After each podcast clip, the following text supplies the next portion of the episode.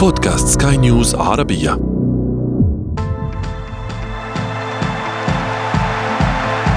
أثير الكرة.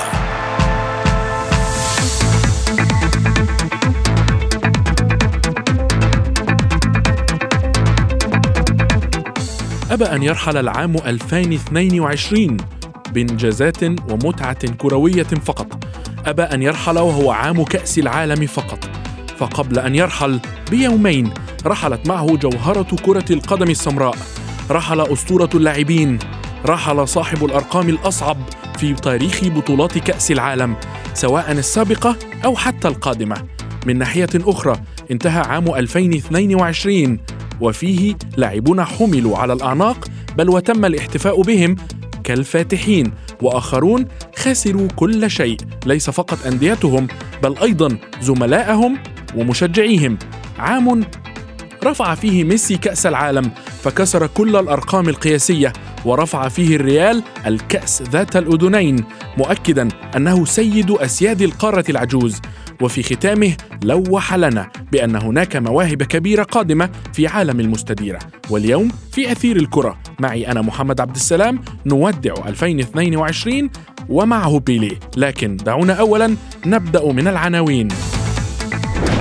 العالم يودع أسطورة أساطير كرة القدم بيلي 2022 عام ميسي وريال مدريد دون منازع ورونالدو دون نادي.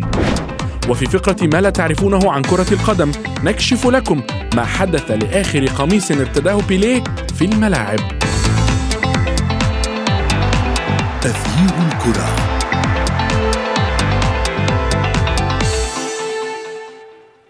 حلقة اليوم كانت مخصصة في الأساس لحصاد العام الكروي وإنجازات المنتخبات وبزوغ نجم عدد من اللاعبين الشباب في كأس العالم خاصة أنه كان كأس عالم استثنائيا ومليئا بالمفاجآت.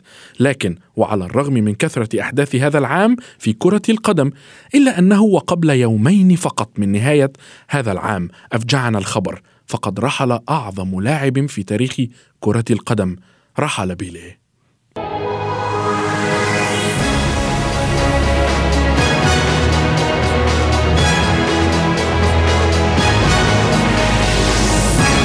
رحل بيليه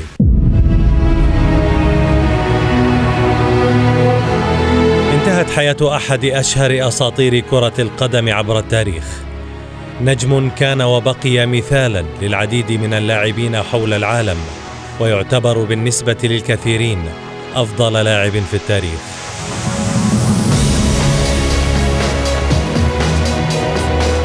ولد بيليه في مدينة كاراكوس بالبرازيل. في الثالث والعشرين من أكتوبر عام 1940 اسمه الحقيقي إديسون أرانتس دو ناسيمنتو وأطلق عليه تيمنا بالعالم الأمريكي توماس إديسون كما كان يلقب في عائلته باسم ديكو. زملاؤه في المدرسة أطلقوا عليه اسم بيلي لسبب غريب وهو أنه كان يلفظ اسم حارس مرمى فاسكو دي جاما بيلي بشكل خاطئ. ليلازمه ذلك الاسم بلفظه الخاطئ على الرغم من أنه لم يكن يحبه. نشأ في بيئة فقيرة وأحب كرة القدم منذ طفولته. انضم لفريق سانتوس وهو بعمر الخامس عشر ومن هنا سطع نجمه. مسيرة احترافية استمرت بين عامي 1956 و 1977 لعب خلالها لناديي سانتوس البرازيلي ونيويورك كوزموس الأمريكي. أما مسيرته الدولية مع البرازيل فكانت استثنائية وامتدت بين عامي 57 و 71 سجل بيلي أول أهدافه مع نادي سانتوس قبل أن يبلغ السادس عشر. وبات بعد ذلك هداف الدوري البرازيلي في أول موسم له مع الفريق. مهاراته وموهبته التهديفية. جذبت الأنظار نحوه ليتم استدعاؤه لتمثيل منتخب البرازيل. قدم بيلي نفسه للعالم أول مرة في كأس العالم 58 في السويد. كتب التاريخ من أول مشاركة بعدد من الأرقام. فقد أصبح في ذلك الوقت أصغر لاعب يشارك في النهائيات وسجل أول هدف مونديالي بمرمى ويلز في الدور ربع النهائي. ليصبح أصغر من يسجل في المونديال. كما دخل التاريخ في النسخة ذاتها عندما أصبح أصغر لاعب يشارك في نهائي المونديال وهو بعمر 17 عاما و249 يوما. لم يكتفي بذلك بل سجل هدفين بمرمى السويد ليقود منتخب السامبا للتتويج باللقب ويصبح أيضا أصغر من يرفع الكأس العالمية. في النسخة التالية لكأس العالم توج بيليه باللقب مع البرازيل على الرغم من تعرضه للإصابة وعدم إكماله البطولة. وحقق لقبه المونديالي الثالث مع السيليساو عام سبعين ليصبح أكثر لاعب يتوج بكأس العالم. يعتبر بيليه من أنجح اللاعبين في التاريخ على الإطلاق وسيبقى بكل تأكيد في ذاكرة من عاصروه. ومثالا في المستقبل لكل من لم يعش في عصره.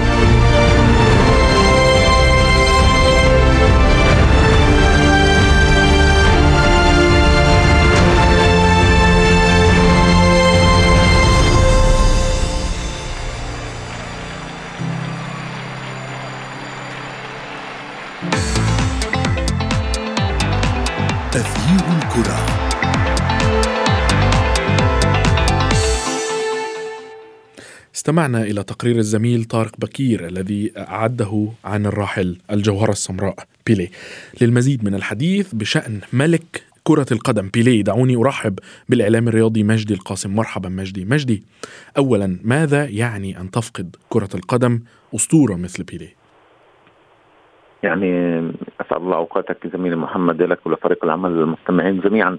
بلا شك بيلي يعتبر رمز من رموز كرة القدم.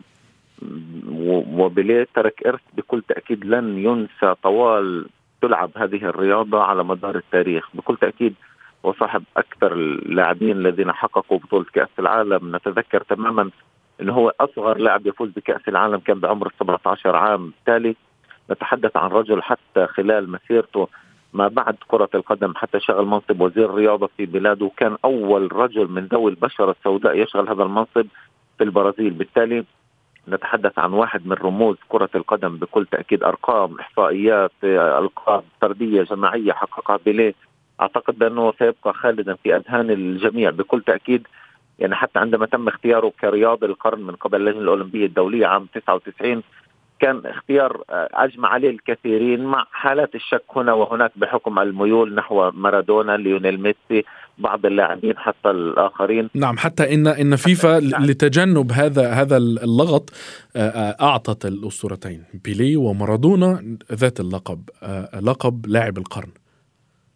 صحيح لأنه الفيفا شعر بالحرج الكبير بحكم العداوة التاريخية الكبيره ما بين البرازيل والأرجنتين. أيضا بحكم إنه اللاعبين حققوا تقريبا كل شيء في عالم كرة القدم من ألقاب فردية إلى ألقاب جماعية إلى مهارات إمكانيات. بالتالي النقطة الجدلية زميلي محمد ستبقى طالما تلعب كرة القدم سيبقى الحديث حول من هو الأفضل بيلي أم مارادونا ميسي أم رونالدو سيأتي بعد ذلك لاعبين كهالاند مبابي والكثير من اللاعبين. بالتالي هذه الحالة من الجدل ستبقى في في تاريخ كرة القدم لكن الشيء المؤكد أن بيلي سيبقى خالدا في أذهان الكثيرين لاعب حقق كأس العالم ثلاث مرات رقم قياسي حتى في عدد المباريات خاض 1281 مباراه حتى هذا الرقم بحسب إحصائيات الفيفا. بكل تأكيد رقم سجل 1281 هدف خلال 1363 مباراة خاضها مع منتخب بلاده ومع الفريقين اللي لعب سواء في في سانتوس أو في الدوري الأمريكي، بالتالي أهداف كبيرة أرقام قياسية حققها بيليه أعتقد من الصعب. حتى زميلي محمد على مستوى معدل التهديف إذا ما استعرضت أرقام بيليه ميسي كريستيانو وحتى مارادونا نجد أن بيليه معدل الأهداف وصل عنده 0.92% مقابل 0.51% بالنسبة لمارادونا حتى بالنسبة لليونيل ميسي 0.79% وكريستيانو رونالدو 0.72% حتى معدل التهديف كان أعلى بالنسبة لبيلي لكن نعم. أريد هنا أن نشير إلى نقطة في غاية الأهمية زميلي محمد، كرة القدم الحديثة تختلف عن كرة القدم سابقا، بالتالي هذه الأرقام قابلة أيضا للجدل والأخذ والعطاء هنا وهنا. بالتأكيد ولكن بالفعل هي أرقام صعب صعب جدا إنها يتم كسرها. خاصة أن شاهدنا ميسي وشاهدنا رونالدو يعني أطول منافسة ل لنجمين في ذات الفترة وليس كما عهدنا بيلي ومارادونا كانوا فترتين مختلفتين. ولكن بالمقارنة التي تحدثت عنها هي المقارنة الأزلية بين مارادونا وبيلي من سيرث عصر هذين الأسطورتين؟ يعني بلا شك كل واحد من هذين النجمين كان في فترة مختلفة. بالنسبة لبيليه أولا كانت كرة القدم أبسط مما هي عليه. آه، مع مارادونا جاءت كرة القدم لتتغير في بعض تفاصيلها. شاهدنا إمكانيات مختلفة طريقة لعب مختلفة بالنسبة لدييغو أرماندو مارادونا. بعد ذلك جاءت المقارنات بين ميسي ورونالدو. الآن ميسي ورونالدو حتى هذا الثنائي في نهاية هذه الحقبة. بالتالي الآن بدأت الجماهير تبحث عن اسمين كبيرين حتى تبدأ المقارنة. على سبيل المثال ما يفعله هالاند في مانشستر سيتي ما, ما يفعله كيليان بابي مع حتى مع منتخب فرنسا ومع باريس سان جيرمان بالتالي هذه ال ال الأمر سيبقى جدلية. لكن محمد أريد التاكيد على نقطة في غاية الأهمية. حتى بالنسبة للأرقام أرقام مارادونا كأرقام ليست كبيرة مقارنة مع بيليه. مارادونا آه، تاريخه حافل أيضا بالمخدرات والكثير من المشاكل والخلافات. نعم. 91 مباراة دولية سجل 34 هدف. كمعدل أهداف كرقم تهديفي ليس بالرقم العالي. لكن حتى وإن كانت مسيرته قصيرة مع المنتخب الأرجنتيني مقارنة مع بيليه لكنه حقق شيء ربما اعجازي في عالم كرة القدم نعم ولكن بيليه 80 وشاهدنا ما زال الهداف التاريخي حتى الآن للمنتخب البرازيلي ب 77 هدف ولكن دعنا نتخيل سويا زمن بيليه بالتأكيد كان مختلف تماما عن زمن النجوم الحاليين ولكن دعنا نتخيل أن بيليه لعب في عصرنا الحالي هل كان سيختلف الحال وهل كان سيحظى بذات النجومية؟ أعتقد بأن الأمر سيكون مختلف تماما. في كرة القدم الحديثه محمد وحتى إحنا يعني خلال التدريب في في كرة القدم الآن زادت الخطط التكتيكية. ليس كما السابق. في في سابقا قبل 40 و50 وحتى 60 سنة كانت كرة القدم تختلف عن اليوم. نتحدث عن كرة القدم 58 بكل تأكيد تختلف عن كرة القدم 2022 زادت الخطط التكتيكية محمد. الاستحواذ على الكرة أصبح هنالك منافسة كبيرة بين الفرق للاستحواذ على الكرة. مراكز أدوار مهام اللاعبين الخطط التكتيكية كل شيء اختلف في عالم كرة القدم لدرجة إنه الآن أصبح بعض المدربين يركزون على رميات التماس التي ربما كانت هامشية ولا أحد يفكر فيها.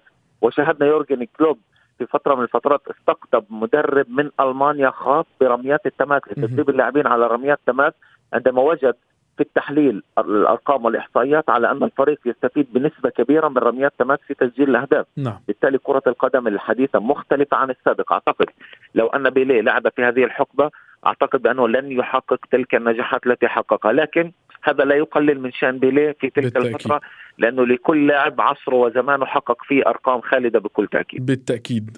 آخر ما ما نختم بهذه الفقرة وداعا بيليه. ولكن مجدي ابقى معي. فاصل قصير نتابع بعده ما تبقى من هذه الحلقة.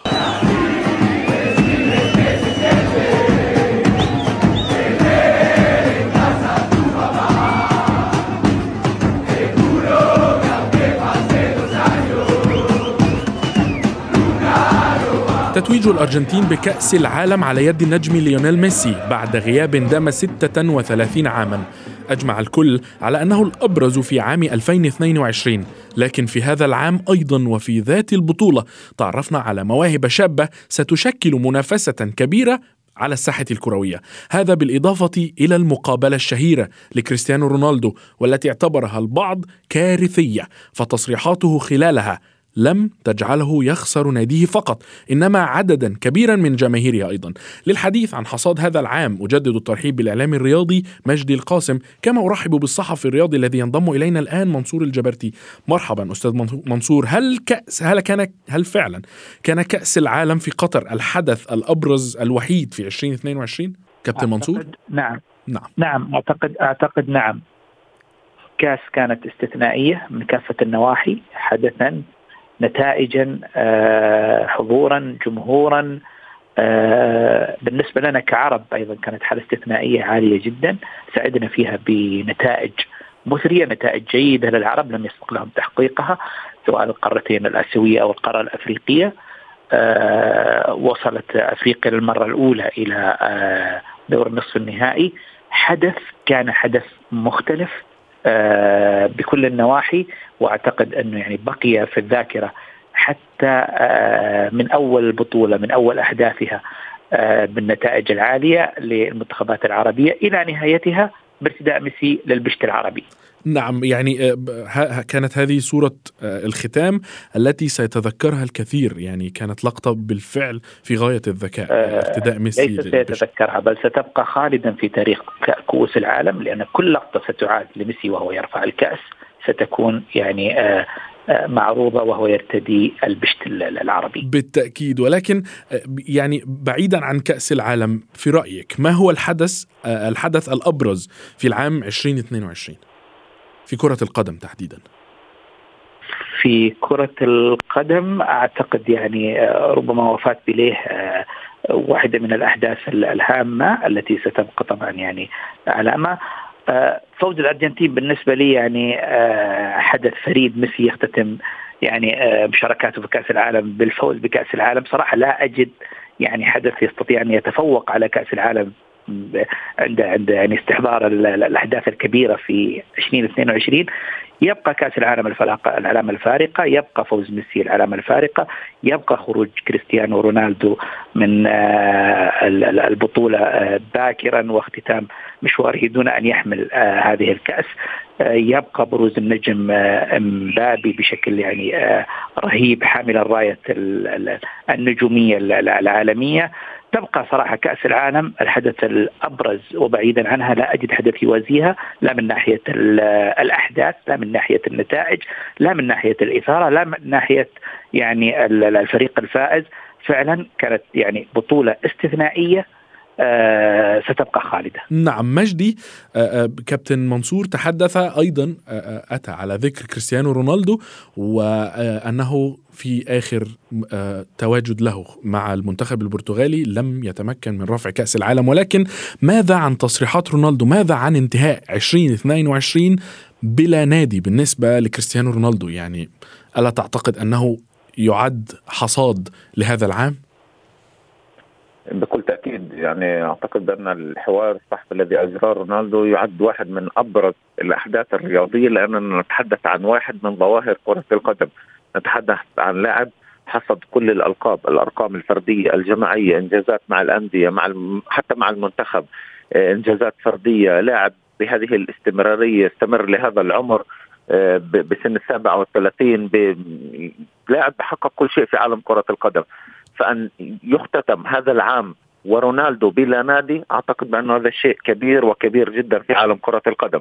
أعتقد بأنه رونالدو لم يكن محق في, في هذا الشيء. لكن ما تعرض له كريستيانو رونالدو من تنهاج على وجه التحديد في, في مانشستر يونايتد.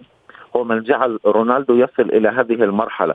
وأعتقد بأنه لو كان هنالك اناس عقلانيين حول رونالدو كانوا ربما سيمنعونه من الإدلاء بهذه التصريحات في هذا الوقت بالذات من الموسم. لأن رونالدو شيئا فشيئا بدأ يعود ليلعب أكثر مع مانشستر يونايتد. نعلم تماما بأنه في بداية الموسم كان يريد الانتقال من مانشستر يونايتد يريد اللعب في دوري في في دوري أبطال أوروبا مع نادي ينشط في هذه البطولة.